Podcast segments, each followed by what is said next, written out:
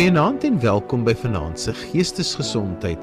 Vanaand gesels ek weer met 'n ou bekende hier op Geestesgesondheid, psigiater Dr. Chris van der Berg. Ons gaan vanaand gesels oor posttraumatiese stresversteuring. So Chris, kom ons begin eers daar. Wat is die definisie van posttraumatiese stresversteuring? Baie mense ken dit ook as PTSD. Goeienaand Johan, lekker om weer met jou te gesels en goeienaand aan al die luisteraars ja, ek voel meneer dit is 'n swaar onderwerp ehm um, vir 'n uh, tyd in ons land waar ons eintlik baie rede het om opgewonde en positief te wees. My hoop alles beker loop oor die laaste paar dae.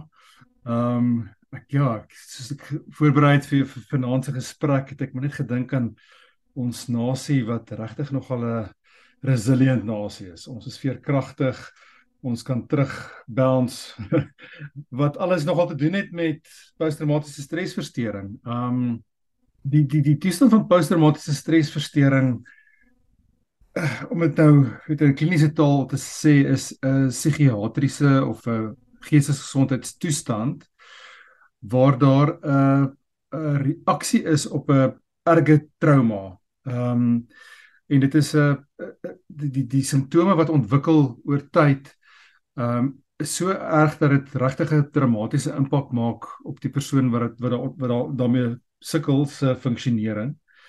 Ehm um, tot so 'n mate dat dit impak het op vermoë om te werk en om verhoudings affekteer, uh emosionele gesondheid affekteer, fisiese gesondheid affekteer. So uh, ons gaan 'n bietjie die ons gaan hierdie kriteria praat van hoe hoe die diagnose gemaak word van posttraumatiese stresversteuring. Ehm um, en dan gaan die luisteraars 'n idee kry van hoe hierdie wat wat hierdie kliniese beeld of hierdie sindroom is. Sindroom is nou maar 'n 'n groep simptome wat bymekaar ehm um, saamgevoeg word om 'n kliniese beeld of 'n siekte toestand te beskryf. So Chris, kom ons begin dan sommer daar en ons praat 'n bietjie oor die kriteria en hoe so 'n diagnose dan gemaak word. So die toestand is die eerste keer beskryf, amptelik formeel beskryf eers hier in 1980 toe die DSM-3 uitgekom het. Nou die DSM is ons psigiaters en sielkundiges se wat ons sê 'n handboek uh van simptome en simptome wat saamgegroepeer word om sindrome te vorm en siekte toestande te beskryf. So ehm um, in die toestand oor tyd elke paar jaar dan kom daar 'n nuwe weergawe van hierdie van hierdie boek uit om vir ons te sê maar die, die kriteria is bietjie op opgedateer. Ehm um, so ek gaan vir julle vertel van die mees onlangse ehm um, beskrywing van posttraumatiese stresversteuring. En natuurlik in die eerste plek moet daar 'n trauma van soorte wees. Ehm um, en hoe die trauma lyk kan verskillend wees vir verskillende mense. Ehm um, maar per definisie moet jy ten minste 'n trauma beleef waar daar blootstelling was aan werklike of baie naby aan 'n uh, um, erge besering dood of ehm um, enige seksuele geweld. Ehm um, en dit kan of direk ervaar word uh, as in in jou eie persoon of jy kan 'n uh, getuie wees van van iemand wat dit beleef. Ehm um, of jy kan hoor van iemand wat deur 'n trauma geaffekteer is, iemand wat naby aan jou is. Ehm um, en dat dit regtig daai direkte impak op jou het al is dit nie direk met jou wat wat met jou gebeur het nie. En dan die ander voorbeeld van so 'n trauma is waar meestal maar mense wat in beroepe werk waar hulle op 'n gereelde basis blootstelling het aan met ehm um, erge trauma, ehm um, dood. Ons noem dit maar slegte goed wat gebeur, rampe wat gebeur met mense en hulle is die uh, mense wat op die op die op die geval afkom of wat moet na die tyd orde skep en skoonmaak. Ehm um, en mense wat daai werk doen, ons kan dink dadelik aan polisie mense, ons dink aan uh, paramedisy ensovoorts wat op 'n gereelde basis te doen het met sulke trauma. So dis maar die eerste kriteria vir vir posttraumatiese stresversteuring is dat jy op aan so 'n trauma blootgestel moes gewees het. En dan is daar so vier groepe van simptome wat ontstaan in in die afloop van van hierdie traumatiese ervaring. Nou dit is eerstens baie normaal dat meeste mense van hierdie simptome gaan kry in die eerste paar weke na 'n trauma. En dis hoekom posttraumatiese stresversteuring spesifiseer dat hierdie simptome is iets wat moet aangaan uh vir meer as 4 weke na die trauma. Ehm um, as dit net vir in daai eerste paar weke wees, dis net net tegniese detail, dan noem ons dit nog nie posttraumatiese stresversteuring nie, maar ons moet akute stressteuring uh, in die eerste 4 weke. Ehm uh, en baie van die simptome verbeter dan tot so 'n mate dat mense nie meer voldoen aan die kriteria vir posttraumatiese stresversteuring nie en ehm um, maar die mense wat aangaan om simptome te hê na die 4 weke merk ehm um, en voldoen aan hierdie volgende kriteria, hulle kry dan die diagnose van posttraumatiese stresversteuring. En ek gaan dit breedweg stel, daar's die vier groepe van simptome. Die eerste een is daar werklik indringende of simptome wat inbraak maak op mense lewe en herbelewingservarings het. En dit kan in in vorms wees soos erge indringende ehm um, herinneringe van van die traumatiese insident. Dit kan voorkom in drome en in nagmerries wat 'n mens beleef asof mens werklik deur daai situasie van vooraf ervaar. Ehm um, dit kan kom in dissosiatiewe reaksies, terugflitsse, ehm um, waar mense beskryf dat hulle voel of hulle voel nie hulle self nie, hulle voel buite hulle self of die wêreld voel vir hulle na 'n vreemde plek. Die tegniese woorde daar is depersonalisasie, derealisasie. En dan is daar ook die simptome van erge psigologiese of psigiese distres, angs, nood uh op 'n emosionele vlak wat jy beleef as jy aan iets blootgestel word wat daai trauma uh, simboliseer of iets daarvan jou herinner aan die aan die gebeurtenis. En 'n ander manier van herbelewing is dat jou lyf reageer. Ons dink al hoe meer dat trauma gaan sit in mense lyf.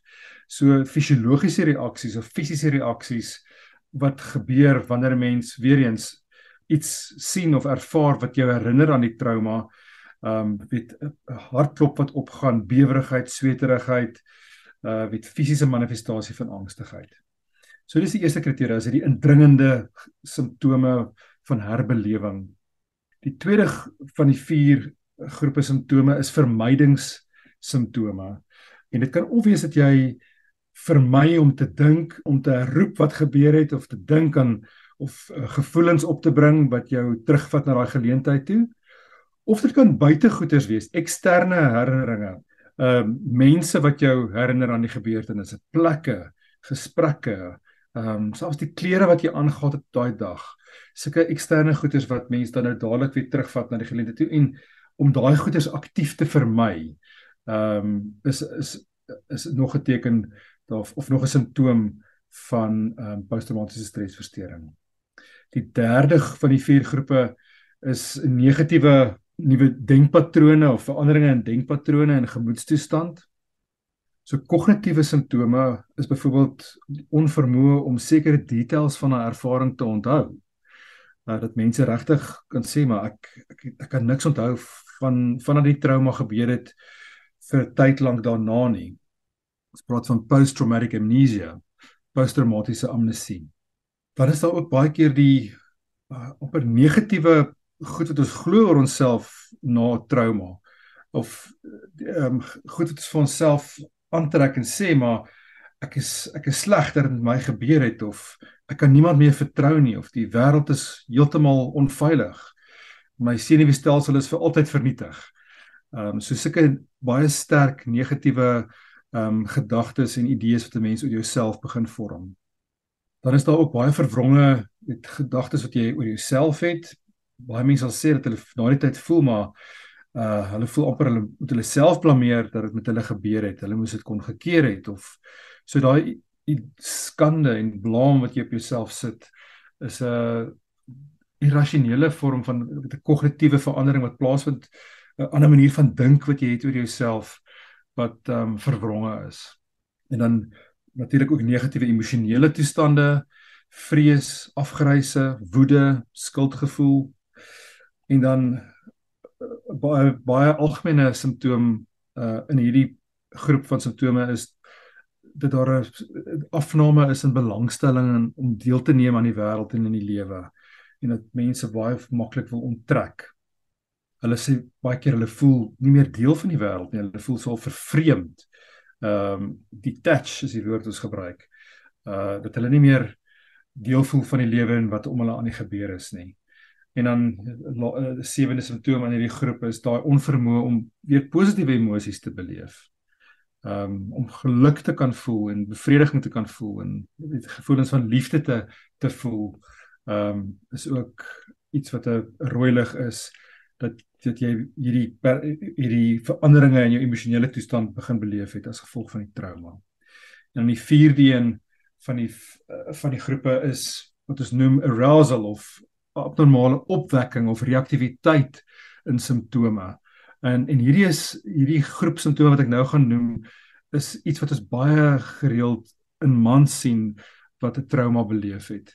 Ehm um, geïrriteerdheid, uh woede-uitbarstings, ehm um, roekeloosheid en selfvernietigende gedrag. Die hiperwaaksaamheid, daai amper op eiers loop, skrikkerig wees, maklik skrik en dan uh, ook sukkel om te konsentreer en sukkel om te slaap. So daai simptome is 'n aandering daarvan dat jou hele fisiologie, jou hele lyf jou is um, in 'n toestand van ooropwekking, arousal wat baie maklik reageer.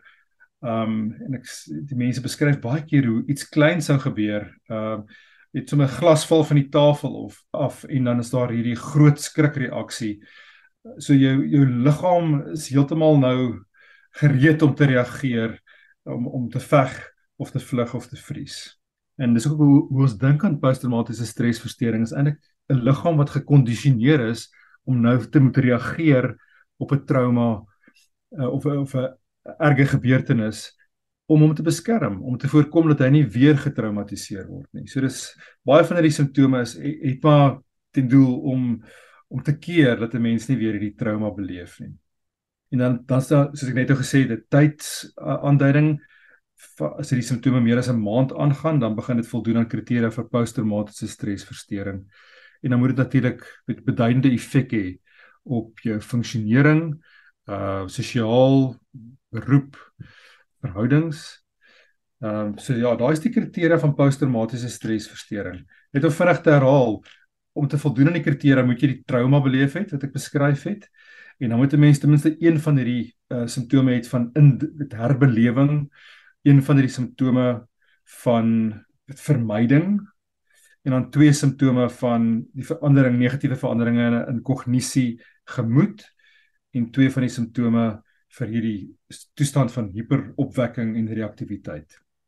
Chris, ons gesels altyd met jou oor mans se geestesgesondheid.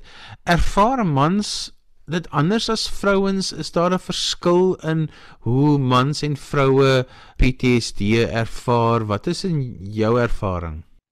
Ja, ja, ek dink die ehm um, die eerste ding is net om 'n bietjie statistiek te noem van posttraumatiese stresversteuring en miskien is daar 'n verskil tussen mans en vrouens daar. En wat ek net maar kon kon vind, ehm um, ons het beperkte data in Suid-Afrika, die laaste data wat ek kon opspoor oor die voorkoms van posttraumatiese stresversteuring in Suid-Afrika is 2017 data wat sê ons uh, die die jou jou risiko om in jou lewenstyd posttraumatiese stresversteuring te ontwikkel is omtrent 2.3%. Maar internasionale data lyk heel anders. Ehm um, die Wêreldgesondheidsorganisasie uh noem dat posttraumatiese stresversteurings in vrouens hier by 10 tot 12% is terwyl by mans omtrent 5 tot 6% is. So definitief minder in mans as wat in vrouens voorkom. En daar's nou allerlei teorieë waarom die die die die risiko kleiner is vir mans om posttraumatiese stresversteuring te ontwikkel.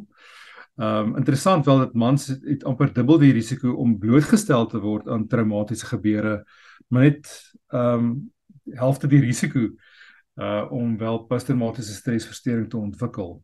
Maar 5 tot 6% van mans is nog steeds 'n baie hoë getal om in erns in jou lewenstyd 'n PTSD te ontwikkel. Um die die tipe traumas wat kan lei tot posttraumatiese stresversteuring lyk dalk ook so 'n bietjie anders tussen mans en vrouens. Um die die data wat ek kon vind oor die tipes traumatiese ervarings in mans wat posttraumatiese stresversteuring kan veroorsaak is baie direkte aggressiewe ehm um, ervarings. So praat van met gevegsituasies, oorlogsituasies, aanranding, fisiese aanranding, uh of om die getuie te wees waar daar erge besering is of dood aan 'n aan 'n 'n persoon.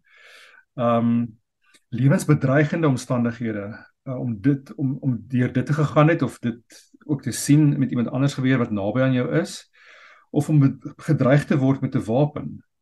En natuurlik ook intieme verhouding geweld. So dit is um daai tipe traumas wat ek dink in mans amper 'n drempelwaarde oorsteek waar daai trauma ehm um, beduidend ernstig genoeg is vir die man om dan nou posttraumatiese stresversteuring te ontwikkel. So die traumas lyk dalk 'n bietjie anders, maar dit lyk ook of die die manifestasies of die simptome ook so 'n bietjie verskil tussen mans en vrouens.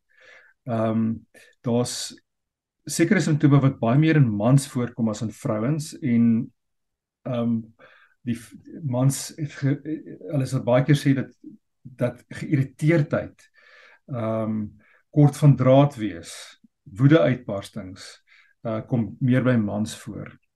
En dan ook baie meer selfvernietigende gedrag, roekelose gedrag, middelmisbruik, alkoholmisbruik veral ehm um, en dan daai simptome van hiperwaaksaamheid, so of op die randjie wees heeltyd, vinnig skrik, heeltyd jou omgewing dophou vir moontlike iets wat wat jou kan trigger. Ehm um, en dan konsentrasieprobleme en slaapprobleme ook algemene simptome wat in mans voorkom. Ehm um, 'n interessante een is wat hulle noem is emosionele afgestomdheid in mans. Nou ons sukkel klaar met mans vir hulle om bewus te wees van hulle emosies.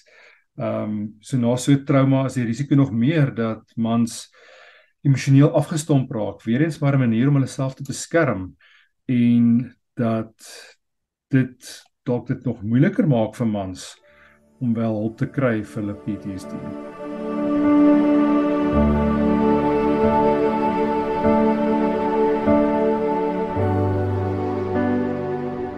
Chris, wanneer dat trauma was, dan sê die mans maar maklik. Ag ek is okay, ek het my eie manier om dit te verwerk. Ek het my eie manier om hierdie pad te stap. Ek is okay, alles is reg. So wat gebeur as dit nou nie behandel word nie en wat is die langtermyngevolge wat is die gevare daarso Ja ek dink onbehandelde PTSD het baie gevolge. Ehm um, so behalwe vir die simptome wat jy ervaar wanneer jy wel die toestand het is daar behalwe daarvoor ook 'n baie hoë risiko vir wat ons noem komorbiditeite. So met ander woorde gekompliseerde posttraumatiese stresversteuring wat nie behandel word nie, het 'n baie hoë risiko om te lei tot verdere probleme. In die algemeen stel hulle sê 88% van mans wat gediagnoseer is met PTSD, ehm um, sal ten minste erns ook 'n bykomstige geestesgesondheidstoestand ontwikkel. In die algemeen is daarvan is maar middelmisbruik of afhanklikheid, major depressie, angsversteurings, fobies, obsessief-kompulsiewe versteuring, natuurlik ehm um, verhoogde risiko vir selfdood en ehm um, selfmoordpogings. So behalwe daarvoor, ook baie interessante inligting wat ek op afgekom het is dat daar 'n baie hoë risiko is vir fisiese toestande vir onbehandelde ehm um, PTSD. En spesifiek in mans, hart hartprobleme, iskemiese hartsiekte en hart bloeddrukprobleme, kardiovaskulêre komplikasies en diabetes. Ehm um, en in die algemene bevolking onder vrouens ook 'n hoë risiko om toestande soos artritis en kroniese pyn en kopseer en ehm um, selfs neurologiese en respiratoriese toestande te ontwikkel uh, wat 'n komplikasie is of 'n komorbiditeit is van onbehandelde posttraumatiese stresversteuring. Die onbehandelde posttraumatiese stresversteuring die, die die risiko is behalwe vir hierdie goeters dat ons sit met 'n 'n groep mans wat wat werklik swaar kry in die lewe en wat nie tot hulle volle potensiaal kom nie en wat nie hulle ehm um, volle gewig kan ingooi in die lewe nie en ek in wie se nie ontvang kan daarvan behalwe hulle self uh, is hulle verhoudings wat daaronder lê hulle hulle lewensmaats hulle kinders hulle werksmense hulle vriende en families.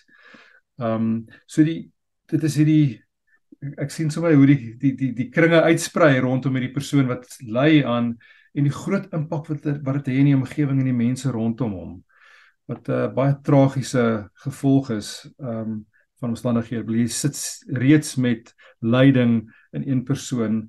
Ehm uh, maar as hulle nie behandel word nie, dan verleng mens die lyding en dit kring uit na die wêreld en die mense rondom hom toe. Christus gaan nou nog selfs oor die behandeling. My vraag sluit juist daarbey aan. Hoe kan vriende en familie 'n man ondersteun wat met PTSD sukkel, wetend of onwetend, onkennend of kennend? Bring my so 'n bietjie na ehm um, die risikofaktore vir posttraumatiese stresversteuring. Ehm um, dit is belangrik ons dit ook uitlig want uh, nie almal wat dieselfde trauma beleef gaan noodwendig posttraumatiese stresversteuring ontwikkel nie. Daar's 'n groot groep mense wat al het hulle 'n trauma beleef, dit nie ontwikkel nie. En dit beteken nie dat daai mense is beter af of hulle sterker mense nie en ek dink dit is wat baie mans voel as, as hulle uh, begin sukkel met hierdie simptome van PTSD dat dit uh, swakheid aan hulle kant is. Um terwyl ons al meer sien dat posttraumatiese stresversteuring is 'n normale reaksie op abnormale omstandighede. Um, so as mans begin swaar kry met hierdie simptome, um, dan gaan hulle voel maar dit is 'n swakheid, hulle hulle hulle moet hiermee kon verkoop het. Hulle moet moet dit kan hanteer. Ehm um, so behalwe vir die trauma wat hulle beleef het is asof hulle hierdie dubbelslag nou toegedien word en hulle self nog ook kastei van hulle mag nie so voel nie en hulle hulle gevoelens en hulle simptome is nie uh, is nie geldig nie en ehm um, hulle moet sterker as dit gewees het om hierdie te beleef. So onmiddellik kan jy daar hoor die die gevoel van shame en ehm um, swakheid wat mans kan beleef of kan ervaar in hulle self. En dit gaan natuurlik beteken dat hulle gaan nie gewillig wees of oop wees daarvoor om hulp te kry nie want hulp soek impliseer dat hulle nie op hulle weet op hulle eie voete kan staan nie en nie so self aangewese soos hulle graag wil wees nie. Ehm um, en ek noem dit alsne maar in 'n lang voorloop om te sê dat een van die faktore wat geïdentifiseer is as 'n beskermende faktor, met ander woorde, as 'n mens dit in jou lewe het, is jou kans om PTSD te ontwikkel baie kleiner, is 'n gevoel van sterk ondersteuning deur familie en vriende in 'n gemeenskap as 'n mens voor jy die trauma beleef het in 'n omgewing leef waar jy goeie vriende het en 'n familie het wat ondersteunend is en dit waar mens oop gesprekke kan hê en waar mens eerlik kan wees oor jou emosies. Mense wat daai al voor die trauma het, um het klaar 'n 'n resilience faktor, 'n veerkragtigheidsfaktor in hulle ingebou wat maak dat hulle kans om PTSD te ontwikkel baie kleiner is. So dit is amper 'n voorkomende ding vir posttraumatiese stresversteuring om in om verbintenisse te hê in jou lewe wat wat jou toelaat om oop en eerlik en ehm um, ja, deursigtig met mense te kan wees oor oor dit waarmee jy sukkel in die lewe en jou gevoelens. Ehm um, en ons is net as al hoor oor die behandeling is is die een van die die die faktore wat nodig is vir vir mense om te herstel van posttraumatiese stresversteuring is om openlik te kan praat op hulle manier en op hulle teen hulle pas ehm um, oor dit wat in hulle binneste aan die gebeur is. Ehm um, so wat jou vraag is wat kan familie en vriende doen? Ek dink dit is om eerstens net hierdie simptome te herken en hoe dit dalk anders kan lyk in mans. Ek dink baie van die simptome kan dalk misverstaan word as iets anders. Dit kan dit, mense kan dit sê nee, hierdie uit nou net 'n drankprobleem ontwikkel of hy het nou net depressief geraak oor iets of ehm um, sy aggressie is deel van sy persoonlikheid en ons mis dit dat hierdie man dalk sukkel met posttraumatiese stresversteuring. So om daai simptome te kan herken en op vriendelike uh nie bedreigende maniere aan die mans te kan kommunikeer dat Hoorie so, dis okay. Ek kan maar net indink dat jy moet swaar kry. Ek ek sou nie dink ek sou dit beter kon hanteer nie. So jy moet asseblief kom gesels as jy wil. Ons het dalk nie al die antwoorde nie en ek gaan nie vir jou in die weet weet kan beter maak nie wenig nie, maar net om 'n ruimte te hê waar jy kan praat oor wat jy voel en wat jy kan ervaar is baie keer helfte van die van die van die van die hulp en die genesing wat kan gebeur um veral vir mans omdat mans so geneig is om dit maar net te internaliseer en te onderdruk en um nie voel hulle hulle hulle hulle voel veilig uh, om dit om meer oop en eerlik daaroor te, te kan praat nie. Chris, jy het nou al 'n bietjie daaraan geraak, maar ek wil terugkom daarna toe. Een ou se trauma is nie 'n ander ou se trauma nie. Vir een ou is dit nie 'n trauma nie, vir 'n ander ou is dit ons kry ook hierdie sagte traumas, die traumas van 'n verhouding of 'n egskeiding. En party mense gaan daardeur en ander mense verwerk nooit daai trauma nie. So kom ons maak daai punt net duidelik. Dis reg. Ja, so interessant dat hulle in die laaste DSM hierdie uh, um, weergawe het hulle 'n uh, onderskeid begin tref tussen uh, trauma verwante versteurings. Hulle noem dit trauma en stres verwante versteurings. In die in uh, histories was dit deel van die angsversteurings, maar hulle het dit nou 'n aparte kategorie gemaak. En uh, so die erkenning daarmee is dat ons ons ervaar dinge wat stresvol, spanningsvol is, wat ons wat ons stretch en wat ons vermoëns en ons kapasiteite tot op die uiterste toe uitdaag wat maak dit 'n mens um ook ander toestande kan ontwikkel onder hoë vlakke van stres. Um en waarna jy dalk verwys is met moeilike lewensomstandighede wat ook 'n stresrespons veroorsaak. Die naam wat ons daarvoor gee is aanpassingsversteuring, adjustment disorder.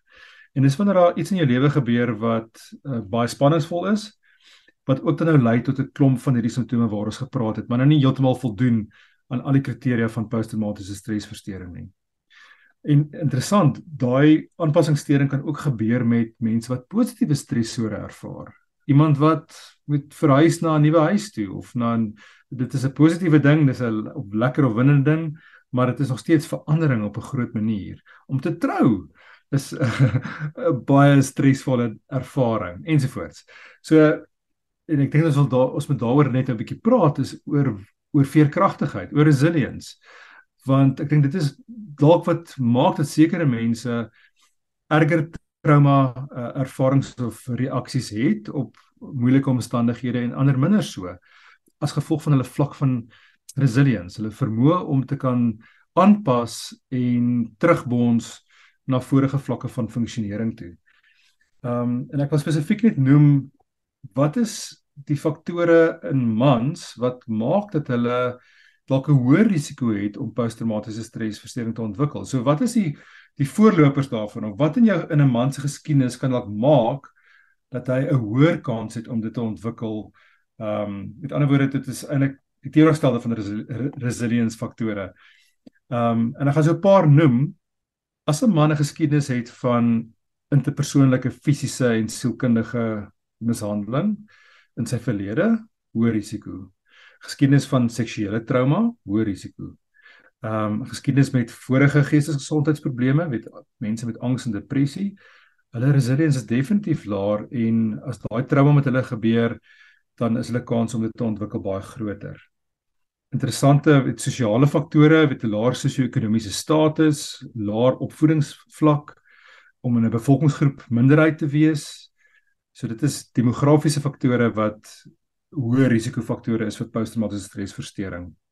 Interessant hulle sê as jy dissosiasie beleef het tydens die trauma, dat dan jou risiko hoër. En natuurlik ook die die die die mate van verlies wat jy gehad het. Was daar verlies aan lewe, aan huis, aan finansiële stabiliteit? En dan weer terug en hier gaan ek nou wees soos 'n plaat wat vashak, 'n gebrek aan sosiale ondersteuning. Ehm um, as jy dit nie voor die tyd gehad het of na die trauma gehad het nie, verhoog dit jou risiko dramaties.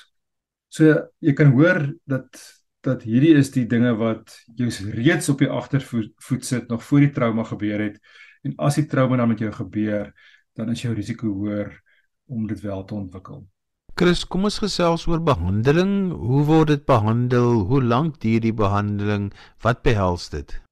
Ja, so ja, as ons kyk na die die navorsing wat gedoen word in die behandelingsmodaliteite wat effektiwiteit getoon het vir posttraumatiese stresversteuring dan lê dit definitief meerendeels by die psigoterapeutiese ingrepe met ander woorde praatbehandeling ehm um, of of sielkundige behandeling meer as medikasie. Medikasie het by party mense uh wel 'n positiewe effek maar definitief tot 'n mindere mate in vergelyking met die psigoterapeutiese insette So ek gaan dalk net die medikasies noem dat ons soms gebruik ons die die SSRI antidepressante, die serotonien werkende antidepressante. Ehm um, in posttraumatiese stresversteuring en dit kan vir party mense tot 'n mate wel verligting bring in simptome. Maar ja, die die die data lê meerendeels op die vlak van uh, sielkundige ingrepe en daar is spesifieke ehm um, behandelingsmodaliteite wat ontwerp is om weet te fokus op PTSD. Ehm um, en die, ek gaan so 'n paar noem en dit is maar net om vir luisteraars net te laat hoor dat daar is ehm um, allerlei soorte terapieë wat moontlik kan werk. Ehm um, nou nie al, nie elkeen gaan noodwendig vir almal werk nie. So dit vat baie keer net maar tyd om jou tipe terapie te vind wat vir jou gaan werk, maar ehm um, tra trauma gefokusde kognitiewe terapie of uh, hulle noem dit trauma focused CBT, cognitive behavior therapy, het goeie bewyse om effektief te wees en dis maar waar hulle werk met mense se manier van dink oor dit wat met hulle gebeur het en ook om hulle te help om om hulle hulle gedagtes en hulle aannames en die die die outomatiese idees te hê oor die ervaring en oor hulle self in 'n ander lig te sien om dit bietjie uit te daag en te kyk of mense skuif kan bring in hoe mense dink oor die ervaring en oor hulle self. Dan is daar ook ehm um, uh, wat hulle noem EMDR wat staan vir eye movement desensitization and reprocessing trauma release exercises is iets wat onlangs ehm um, weet baie gewild geraak het in die behandeling van trauma.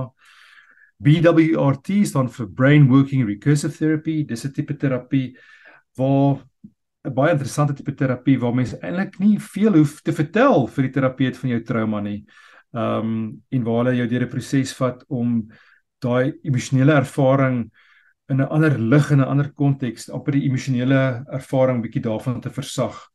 Ek weet te min daarvan om dit mooi te verduidelik, maar uh, daar's definitief al meer data om te wys dat BWRT 'n goeie effektiewe modaliteit kan wees in trauma. Maar daar dan natuurlik weet ehm um, metodes soos verlengde blootstelling waar mens op 'n stelselmatige manier mense wel 'n bietjie blootstel aan dit wat uh, traumaties was op uh op op manier wat veilig voel en hulle en, en wanneer hulle angstigheid dan begin klim om hulle te help om hulle angstigheid onder beheer te bring en hulle self um te kry om te voel dat hulle beheer oor hulle angsrespons.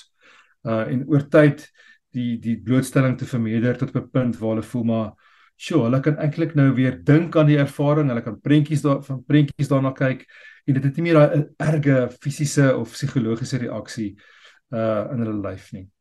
Ja, so dis dis net 'n paar te neem, daar's nog baie ander, maar hierdie is die hooftipes terapie wat uh, bewyse het om om te help met posttraumatiese stresversteuring. En dan weet ons natuurlik dat die weet al die ander goeders wat wat goed is vir gemoedversteurings en angsversteuring is ook belangrik uh in 'n holistiese benadering tot posttraumatiese stresversteuring. Oefening, gesond eet, beperking van middels en alkohol, ehm um, slaap is belangrik meditasie, mindfulness. Ja, en dan om om goed is in te bring in jou lewe wat ligter is en wat lekkerder is, met stokperdjies en speel. Um en om te volunteer. Hulle sê om om 'n vrywillige rol in te neem en iemand anders te help help jou ook om daai fokus van jouself af te haal om die die die gevoel van dit wat met jou gebeur het dat jy so in jouself gekeer raak dat om om uit te reik en van waarde te wees en van hulp te wees vir iemand anders ook baie terapeuties vir jouself kan wees. En natuurlik weer eens, hier's die plaas wat vashak om te kyk na jou verhoudings en om verhoudings te begin kweek wat ondersteunend is. Ehm um, en vir mans wil ek weer eens aanmoedig om mansvriende te maak met wie jy uh, oop en eerlik kan wees en wat met wie jy pad kan stap sonder om te voel jy's skaam of uh, of jy belas hulle. Meeste mans wat ehm um, vriende het wat na hulle toe gekom het vir hulp sal sê maar ja dit was vir hulle eintlik 'n voorreg dat hulle vriend na hulle toe gekom het uh om te vra vir hulp en dit was vir hulle ook goed geweest om vir hulle 'n ondersteunende oor te kan wees. So man se vrese dat as ons met ons pelle gaan praat hieroor gaan dit op ons terugslaan op 'n manier of dit gaan nederend wees of dit gaan gebruik word teen ons is nie altyd gegronde vrese nie.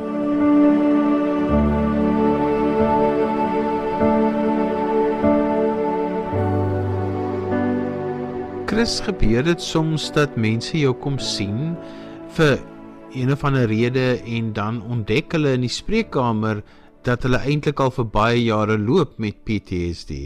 Dit is 'n baie goeie vraag, Jan, want ek het ehm um, ja, net hierdie week dink ek aan 'n geval waar ont, ek loop al 'n pad met hierdie persoon al vir baie jare.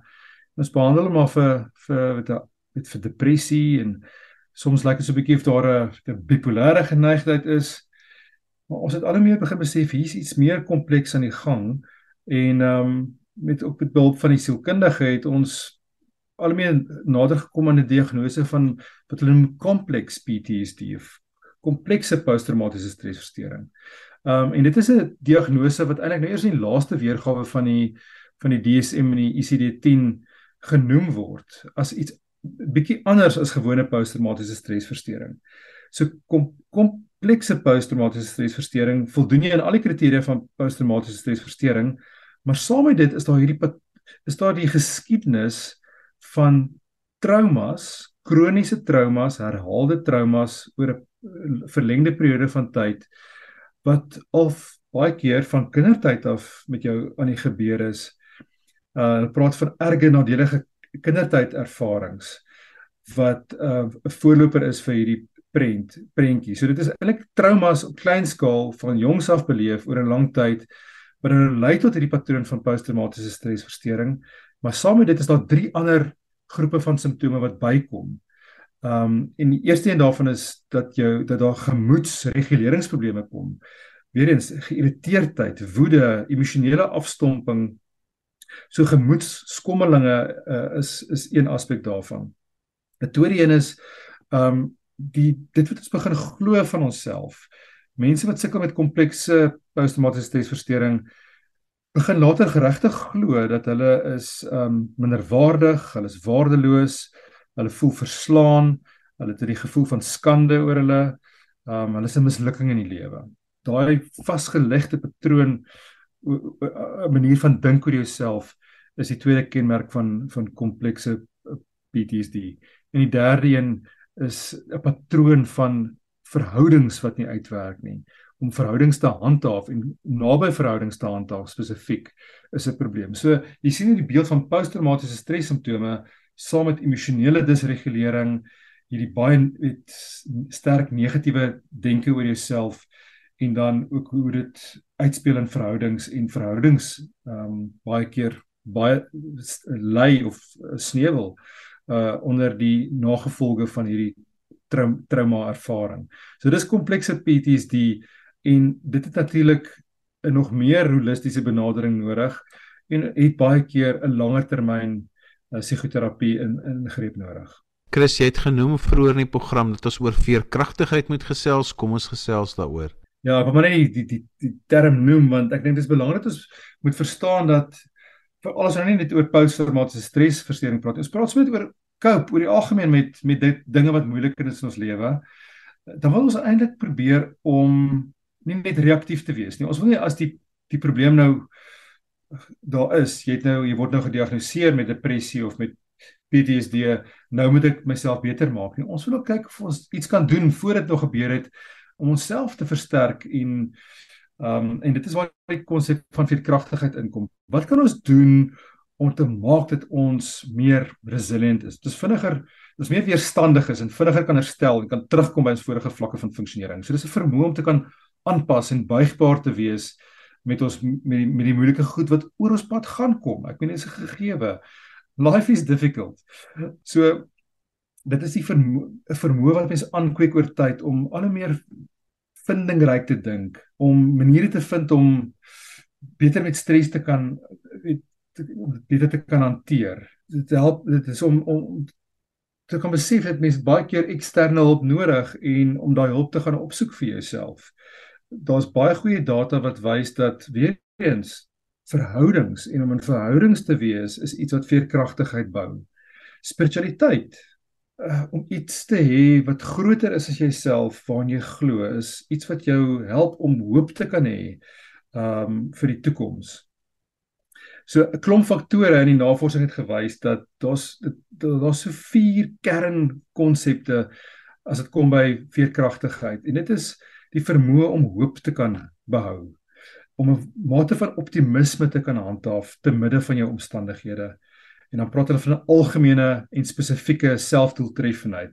Praat van 'n agency, dis 'n vermoëns en vaardighede wat jy aanleer om wanneer iets slegs met jou gebeur, dit te kan eerstens te kan aanvaar vir wat dit is en dan maniere te vind om dit beter te kan hanteer en en dit is ja, ek wil sê dit is 'n bevoegdheid wat wat mense aan moet werk. Dit hulle sê dit moet gegroei word, dit moet uh, gekultiveer word.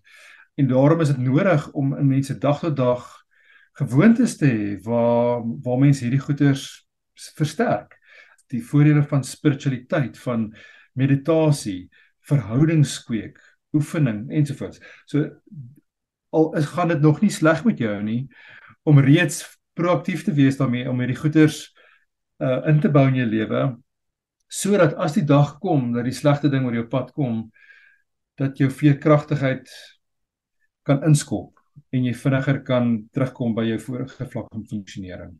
Chris ons nader die einde van vanaand se program, so kom ons som op, sê nog so laaste paar gedagtes oor posttraumatiese stressindroom en dan sluit ons af. So hoe ek dink oor posttraumatiese stresversteuring is dat dit 'n normale reaksie is op abnormale omstandighede. En as dit so sien, dan haal dit die gevoel van skande daai uit, veral vir mans, dat dit nie eh, voel soos 'n swakheid om te sukkel met hierdie simptome nie. Um en dan wil ek net uitlig dat mans het ongelukkig met se se hanteringsbeginnings is baie keer ongesond waar hulle vermy om oop te wees daaroor Ehm um, en eerder die of die die veg reaksie het waar hulle aggressief raak en geïrriteerd raak en dit uithaal by mense rondom hulle of die vlugreaksie het en ongelukkig dan nou wegkruip en baie keer vashak by plekke van verslawing uh om te keer dat hulle weer, weer seer kry.